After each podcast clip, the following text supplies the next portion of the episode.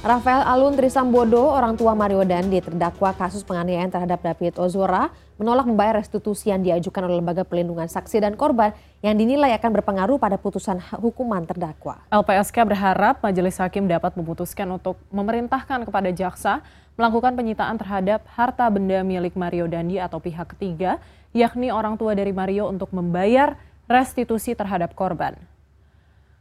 Lembaga Perlindungan Saksi dan Korban pada Rabu menyayangkan keputusan dari orang tua Mario Dandi Rafael Alun Trisamdo, Trisambodo terdakwa kasus penganiayaan terhadap David Ozora yang menolak membayar restitusi untuk korban. LPSK menilai orang tua dari terdakwa sudah lepas tanggung jawab atas kasus yang menjerat putranya.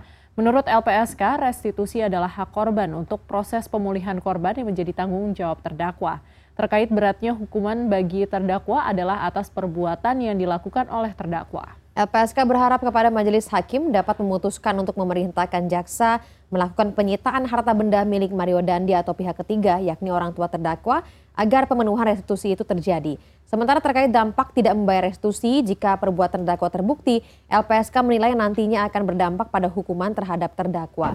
Pasalnya, hakim bisa menambahkan subsidi kurungan terhadap terdakwa.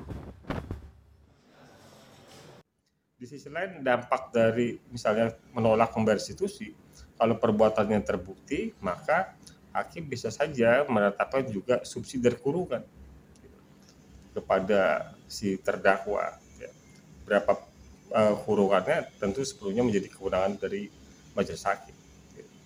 Tapi ada kemungkinan untuk kerjasama dengan KPK nggak Pak? Soalnya kan dari apa orang tua uh, terdakwa sendiri terlibat kasus korupsi dan saat ini PKPK sudah mulai menyita aset-aset dari orang tua terdakwa sendiri, Pak.